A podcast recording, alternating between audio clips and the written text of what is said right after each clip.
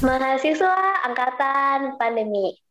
Nah, pandemi COVID-19 terjadi pada tahun ajaran 2019-2020, sekitar bulan Maret 2020 lalu, yang di mana pertama kali merasakan bagaimana sih transisi dari anak SMA ke mahasiswa di perguruan tinggi itu angkatan 2020. Dan gen besar ya, teman-teman dari angkatan 2020 pada saat itu kelas 12 akhir.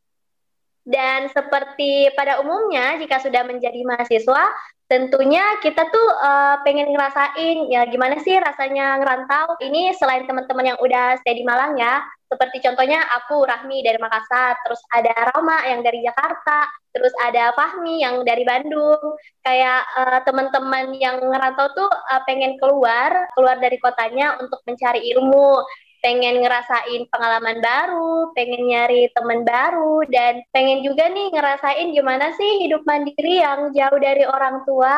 Nah, namun karena adanya pandemi, jadi yang seperti itu uh, tertunda dulu. Dan yang namanya musibah, semua orang tuh nggak mau itu terjadi ya. Dan pada akhirnya uh, dengan keadaan seperti ini, kami sebagai angkatan awal pandemi COVID-19 harus menahan diri untuk enggak ngerasain dulu gimana sih anak perkuliahan yang seperti pada umumnya gimana sih perkuliahan seperti kakak-kakak di angkatan 19 dan ke atas itu gimana mungkin itu ya sedikit curhatan sekaligus pembuka dari kami-kami yang bisa dibilang sebagai mahasiswa angkatan pandemi. Oh iya, sebelum lanjut aku pengen nyapa teman-teman yang dengerin kita nih. Halo teman-teman pendengar Archipod episode 3, apa kabar? Terima kasih telah mendengarkan Archipod. Semoga kalian sehat selalu dan jangan lupa untuk minum air putih yang banyak.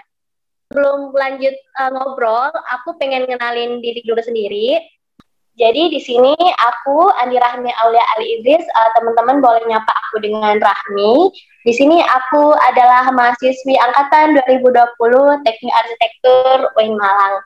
Dan di sini aku nggak sendiri, aku ditemenin sama dua orang rekanku lagi, yaitu ada uh, Rama dan juga ada Fahmi. Dan mungkin uh, Rama dan Fahmi boleh ngenalin diri dulu kali ya. Mungkin mulai dari Rama dulu. Oke, uh, halo semuanya. Perkenalkan nama saya Rama Dewi Sadewa. Teman-teman bisa panggil saya Rama. Saya juga dari angkatan pandemi nih kebetulan. Dan asal saya ini dari Jakarta. Oke, okay, Rama. Mungkin uh, dari Fahmi kali ya selanjutnya. Halo teman-teman, saya Fahmi dari Angkatan Pandemi juga. Saya dari Bandung. Ya, salam kenal ya semuanya. Halo Fahmi. Halo juga Rama. Halo. Ya. Halo teman-teman dari Angkatan Pandemi yang senasib sepenanggungan. Wah. Wah. Buat teman-teman yang lagi dengerin acara podcast nih, Archipod ini, terus sama buat Fahmi sama Rahmi juga nih saya mau ngingetin buat jangan lupa vaksin ya terus juga patuhi protokol-protokol kesehatan biar COVID ini cepet go to the hell biar enggak oh, iya, lama-lama ada di sini gitu Iya siap kak. Aku udah vaksin. Udah Aku juga udah vaksin. Saya udah tapi dosis satu. Dosis duanya nanti sabar dulu. Wala. Kayaknya kita harus ngasih tahu ke teman-teman pendengar gitu dulu nggak sih teman-teman kayak Archipod ini apa sih? Takutnya ada yang belum denger gitu kan, ada yang belum tahu. Buat teman-teman yang belum tahu apa itu Archipod, ya Archipod itu adalah arsitektur podcast yang isinya obrolan santai sesama mahasiswa arsitektur mengenai pengalaman-pengalaman dan informasi kegiatan mahasiswa arsitektur UIN Malik Malang. Oh iya, sebelumnya jangan lupa ya buat cek akun IG HMJ. Di sana banyak informasi seputar jurusan arsitektur UIN Malang. Ada juga arsitips yang isinya tips-tips seputar arsitektur. Uh, nah tadi tuh buat teman-teman yang belum tahu tentang Archipod sama yang nggak mau ketinggalan tentang apa aja sih yang ada di Instagramnya HMJ bisa cek ya Instagramnya Himpunan Mahasiswa Hajar Aswad. Nah, tadi kan kita udah ngomongin tentang Archipod itu apa, terus kenalin juga HMJ, terus project-projectnya itu apa. Kayaknya kita akhir-akhir ini juga mau ada rencana offline gitu ya kayaknya tuh Kalau menurut Nah, kalian tuh iya, gimana sih? benar-benar. Hmm, Em, aku sih kalau aku pribadi nih ya kayak pengen offline yang full gitu kan. Kalau denger dengernya nih eh, offline-nya tuh kayak cuman untuk eh, mahasiswa yang di Malang Raya ya kalau nggak salah. Ini aku belum tahu kan juga sih tapi kalau denger denger gitu sedangkan aku kan di Makassar gitu. Jadi aku kayak masih bimbang ini maju kah mundur kah pergi kah apa enggak kah jadi ini sih masih nunggu yang resminya gimana walaupun SK Rektor kan udah keluar tapi nunggu dari fakultas aja kali ya. Nah, iya benar. Kita juga nanti kalau misalkan berangkat kagok gitu, kagok biaya, kagok yang lainnya juga gitu. Kalau aku sih ini susahnya izin dari orang tua aku kalau semisal belum full ini kan kayak nggak ngizinin gitu. Kalau semisal untuk yang area-area Malang kan nggak apa-apa ya. Tapi kalau aku masih menunggu restu orang tua juga sih. Nah, iya Ya, apa- benar. apalagi itu kan ya, kayak kemarin tuh kita habis dibagiin Google Docs yang suruh ngisi data-data dan kebetulan yang kemungkinan kuliah offline itu cuma satu matkul gitu, kayak rugi gitu gak sih? Sayang aja kayak ke sono cuma satu matkul doang yang offline. Nah, iya benar juga sih. Kalau misal teman-teman yang di Malang mungkin nggak rugi ya, karena emang di situ mereka. Tapi kalau misalkan eh, teman-teman yang kayak kita eh, anak rantau gitu ya, apalagi yang di luar eh, Jatim, mungkin kayak merasa sedikit eh, berat gitu karena eh, banyak yang dipertimbangkan gitu. Kalau kalau menurut saya juga penting banget gitu gak sih kalau kuliah offline tuh kayak kita lebih dapat pengalaman gitu, kayak lebih Iya. ngerasain feel-nya gitu. Saya kayak pengen di asistensi terus dicoret-coret gitu loh rasanya. Kayak mau tahu Iya. gimana sih rasanya. Waduh. Iya pengen banget gak sih kayak dapat itu kan eh, dapat ilmu yang secara langsung gitu kan ya kan kalau semisal kita nih waktu awal-awal nggak dapat kayak gimana sih, mungkin eh, kakak-kakak tuh dapat ilmu eh kalau misal kalian mau pewarnaannya bagus eh, kalian cara megang pensilnya gini atau semisal kalian mau presisi gambarnya itu cara megang mistarnya gini kan kalau gitu didapat langsung kan ya ilmunya aduh pengen pengen banget juga tuh nyoba yang kayak gitu ilmunya kan kayak seru gitu kan ya dapat ilmu langsung dari sumber ilmu dari dosen langsung Kebetulan juga kan teman-teman kita itu banyak yang jago di satu bidang gitu gak sih? Jadi kayak lebih bisa sharing-sharing gitu. Kayak semisal nih saya jago di bidang A tapi mungkin di bidang B kurang. Terus teman-teman ada yang di bidang B-nya lebih jago. Kalau offline kan kayak bisa langsung sharing gitu, eh, nanya-nanya langsung. Karena kan kalau lewat chat tuh kadang segan atau terbentrok sama waktu gitu kan ya. iya bener banget tuh parah sih mau kayak kita tuh kalau eh, bareng-bareng tuh kayak ada gambaran gitu, ih punya dia tuh kayak lebih bagus, jadi kayak ada pacuan-pacuan gitu, harus kayak gitu atau mungkin lebih eh, lebih dari gitu atau mendekati kayak gitu. Kalau misal eh, online kita kan di rumah cuman sendirian doang, jadi mau lihat punya siapa nih, jadi kita kayak susah koreksi punya kita sendiri. Saya juga pengen gitu ngerasain vibes eh, ngerjain tugas bareng sama teman-teman di kafe di mana gitu. Kalau sendiri kan mumet juga, belum mikirin ini itu gitu. Bener gak sih? Nah, ini saya mau, mau sedikit ini nih, sedikit sharing mungkin ya. Karena kan kemarin tuh kita sempat ngelewatin satu bulan puasa waktu kuliah online. Nah, kebetulan di daerah saya tuh ada himpunan mahasiswa daerah gitu. Nah, di situ tuh ada mahasiswa arsitekturnya, kayak cerita-cerita gitu, kayak bikin kepengen gitu sih. Katanya solid banget gitu loh. Tapi kan kita belum ngerasain solidnya nih karena masih online. Kayak pengen banget tapi kok pertimbangannya cukup berat gitu. Nah, bener-bener itu juga Bener ada banget, bener. yang video apa ya video di YouTube yang diupload di Himata juga kan ada kayak eh, teaser gitu Eh, anak teknik arsitek itu kayak pakai baju hitam-hitam bareng terus kibar-kibarin bendera gitu kan ya kayak wow seru banget gak sih? Kayak gitu. Kita mana pernah gitu, ya Allah.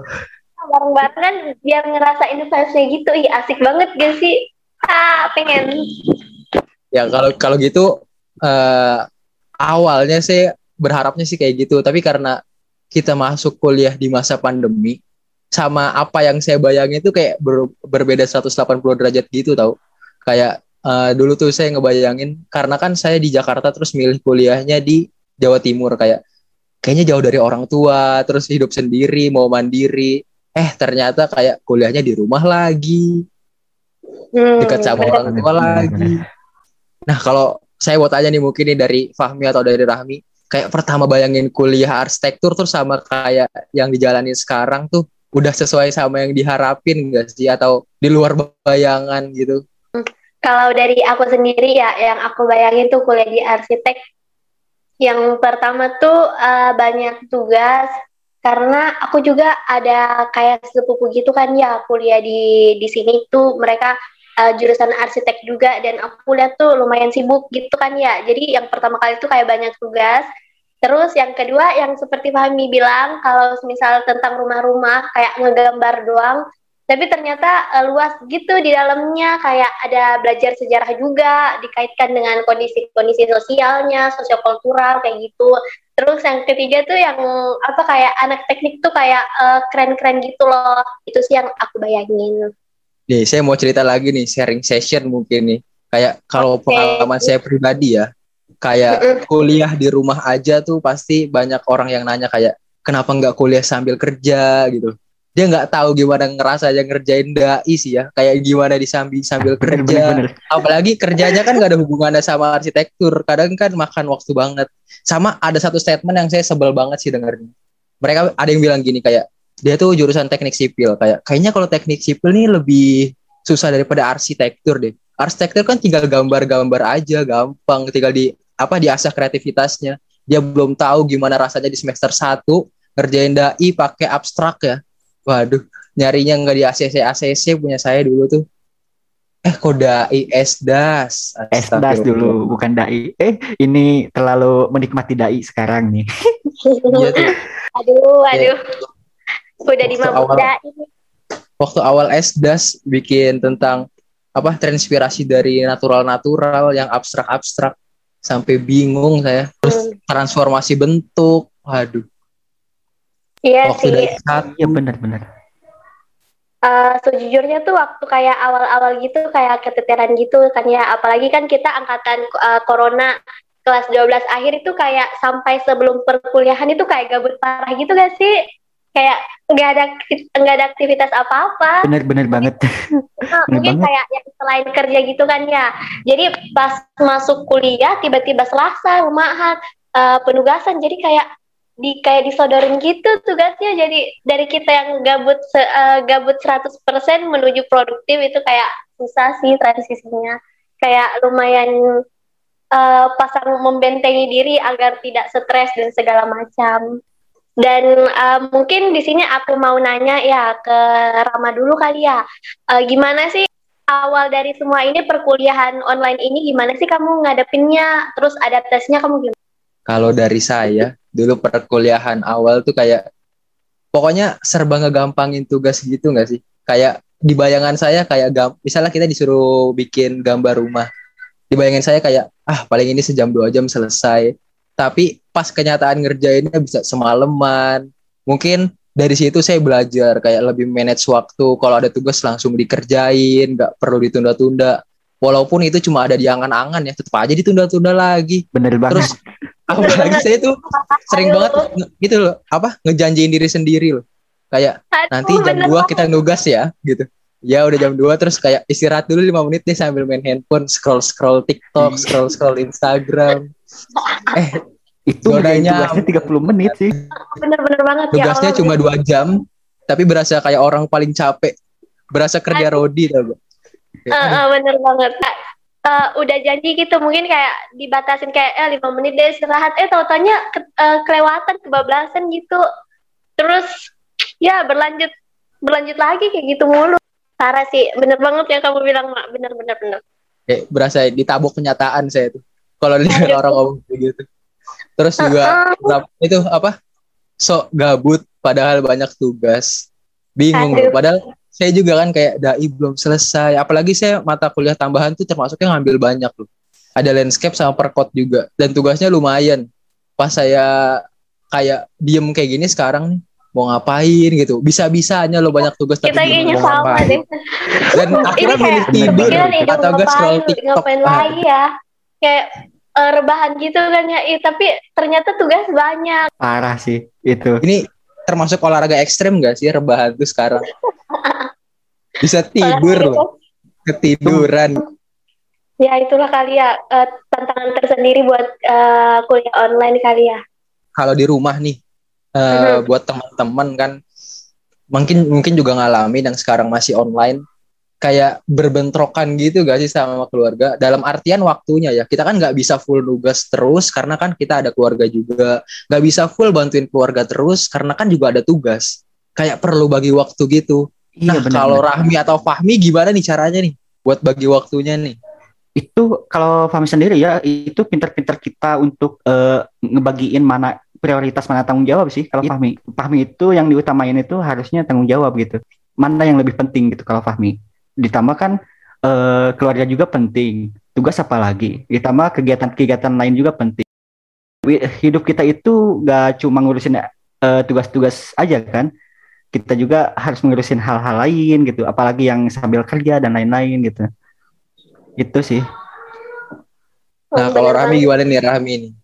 Kalau aku sendiri sih kayak bener banget yang tentang uh, urusan keluarga sama penugasan kuliah gitu kayak uh, tabrakan gitu. Apalagi ya aku kan perempuan. Mungkin mbak-mbak yang perempuan yang lainnya juga ngerasain kayak uh, baru bangun tidur kan ya nunggu link zoom itu kayak udah ih nanti cuci piring ya atau ih nanti nyapu ya. Jadi kayak aduh pengen ngerjain tapi nyapu udah kesiangan gitu kan ya. Terus udah kuliah juga jadi kayak ini sih kayak kadang uh, masih bingung uh, bagi waktu. Itu masih semester awal tapi uh, makin ke sini sih makin enjoy karena udah dapet polanya gitu kan ya gimana cara ngadepinnya itu sih waktu awal-awal aku uh, ngerasa aduh gimana nih pekerjaan rumah? Nanti uh, orang tua udah pulang dari uh, kantor. Belum aku lakukan pekerjaan itu. Tapi alhamdulillah udah sih aman.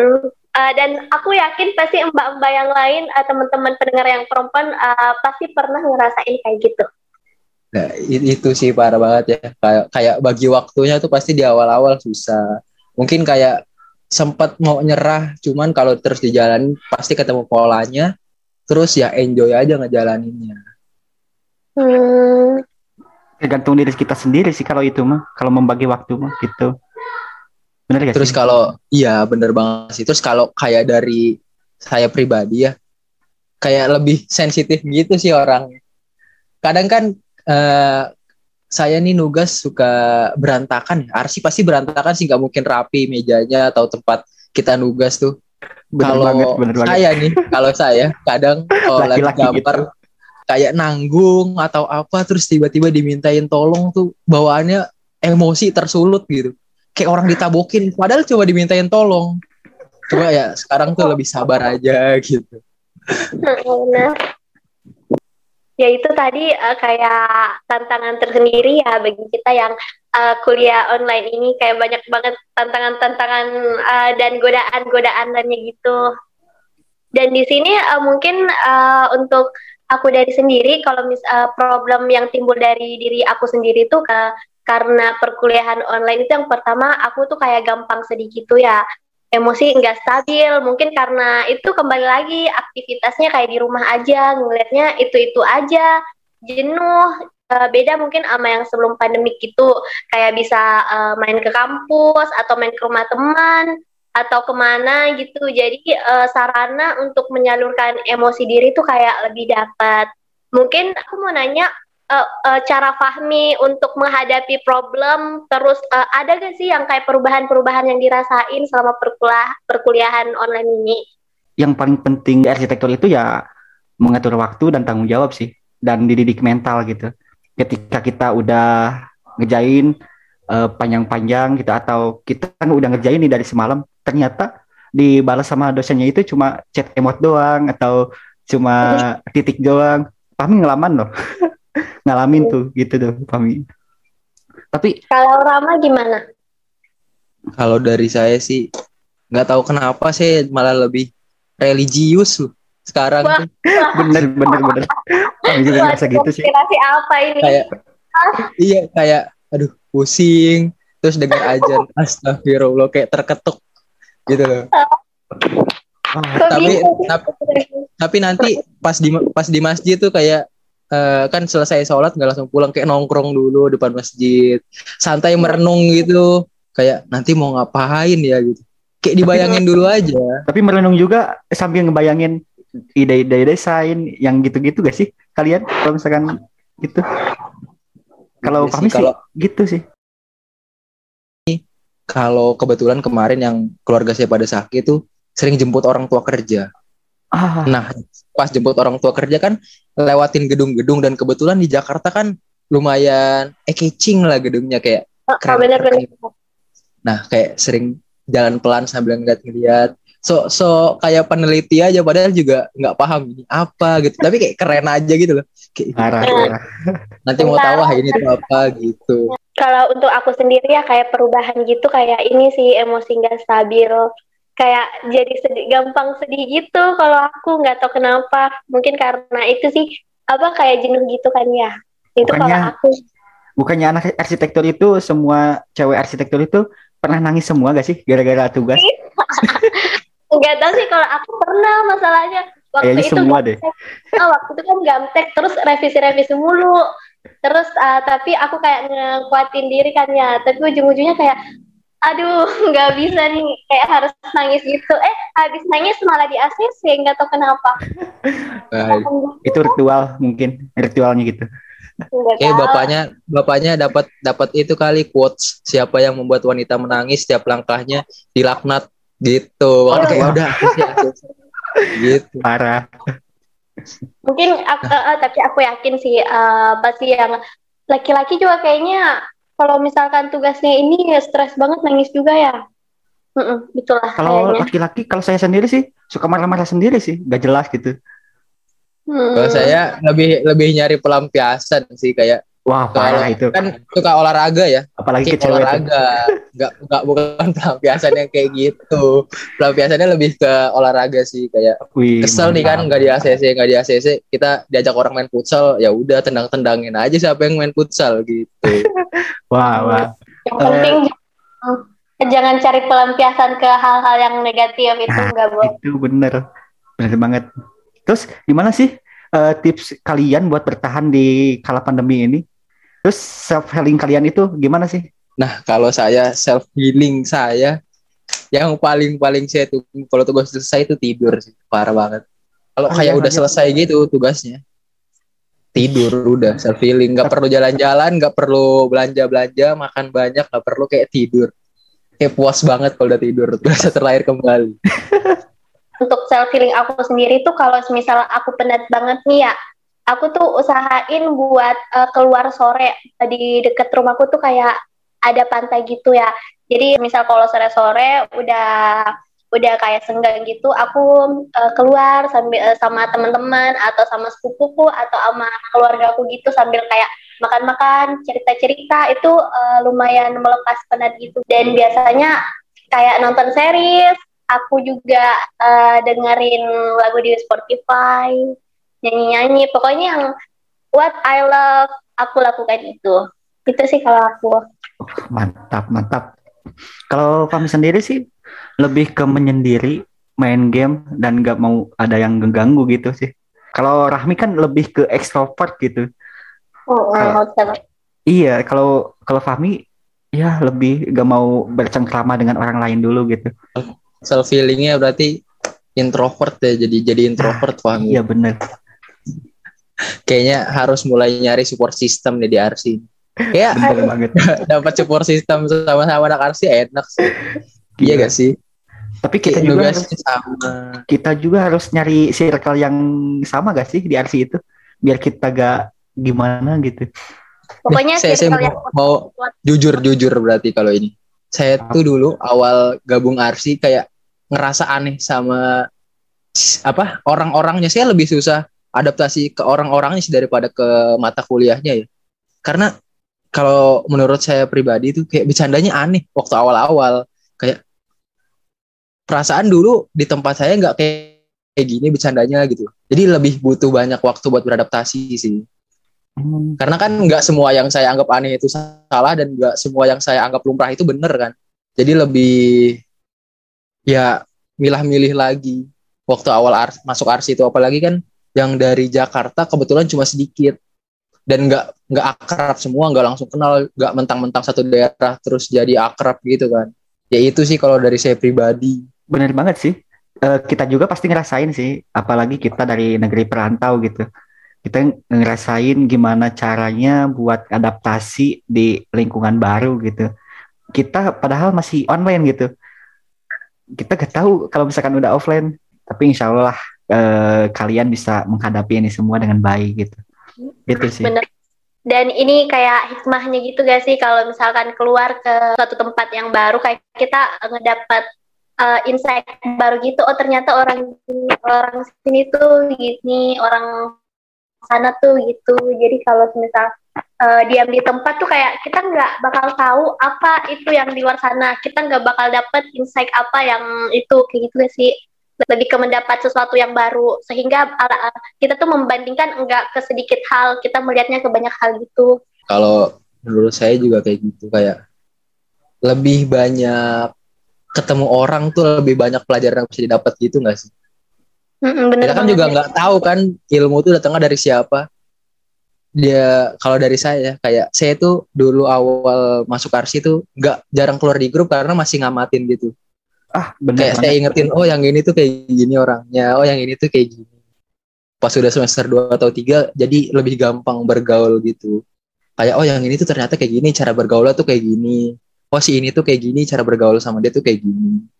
Jadi lebih uh, masuk lebih gampang masuk ke circle mana aja. Selama ini sih kayak gitu tapi nggak tahu nanti di perkuliahan. Pokoknya semoga pandeminya cepat berlalu terus juga situasinya jadi lebih baik kita cepat ketemu lah biar bisa offline. Pengen ngerasain vibes kuliah offline itu kayak gimana? Pengen banget malahan. Ayo dong, corona cepat hmm. berlari, cepat cepat hilang. Ya apalagi kan kita udah punya ada tingkat juga kan. Kayak malu gitu gak sih kalau sama-sama baru datang ke kampus waktu kondisinya udah membaik. Nanti kayak ditanya apa, bengong-bengong. Bener-bener. Gak usah. Gak tahu deh, ayo bareng nyari sini sini. Ini amat nasib, nasib kita ya. Wih, kita udah berapa menit nih? Gak kerasa ya. Sepi oh, udah nih. lama nih. Nah, makasih nih buat teman-teman yang udah setia banget dengerin saya sama teman-teman saya ngobrol-ngobrol soal pengalaman, terus gimana sih cara mengatasi masalah-masalah kita sebagai angkatan pandemi, buat teman-teman juga yang mau dengerin podcast ini, Archipod ini tuh bisa didengerin di aplikasi Spotify, Anchor, dan bisa juga di YouTube-nya HMJ. Teman-teman juga jangan lupa buat subscribe, like, dan komen. Follow IG dan Twitternya HMJ itu ada di Hima Hajar Aswad. Saya mewakili teman-teman saya dan saya pribadi, mohon maaf bila ada kata-kata yang salah atau kurang berkenan atau ada yang merasa tersinggung sama obrolan-obrolan saya sama teman-teman saya tadi, kurang lebihnya mohon maaf. Wassalamualaikum warahmatullahi wabarakatuh.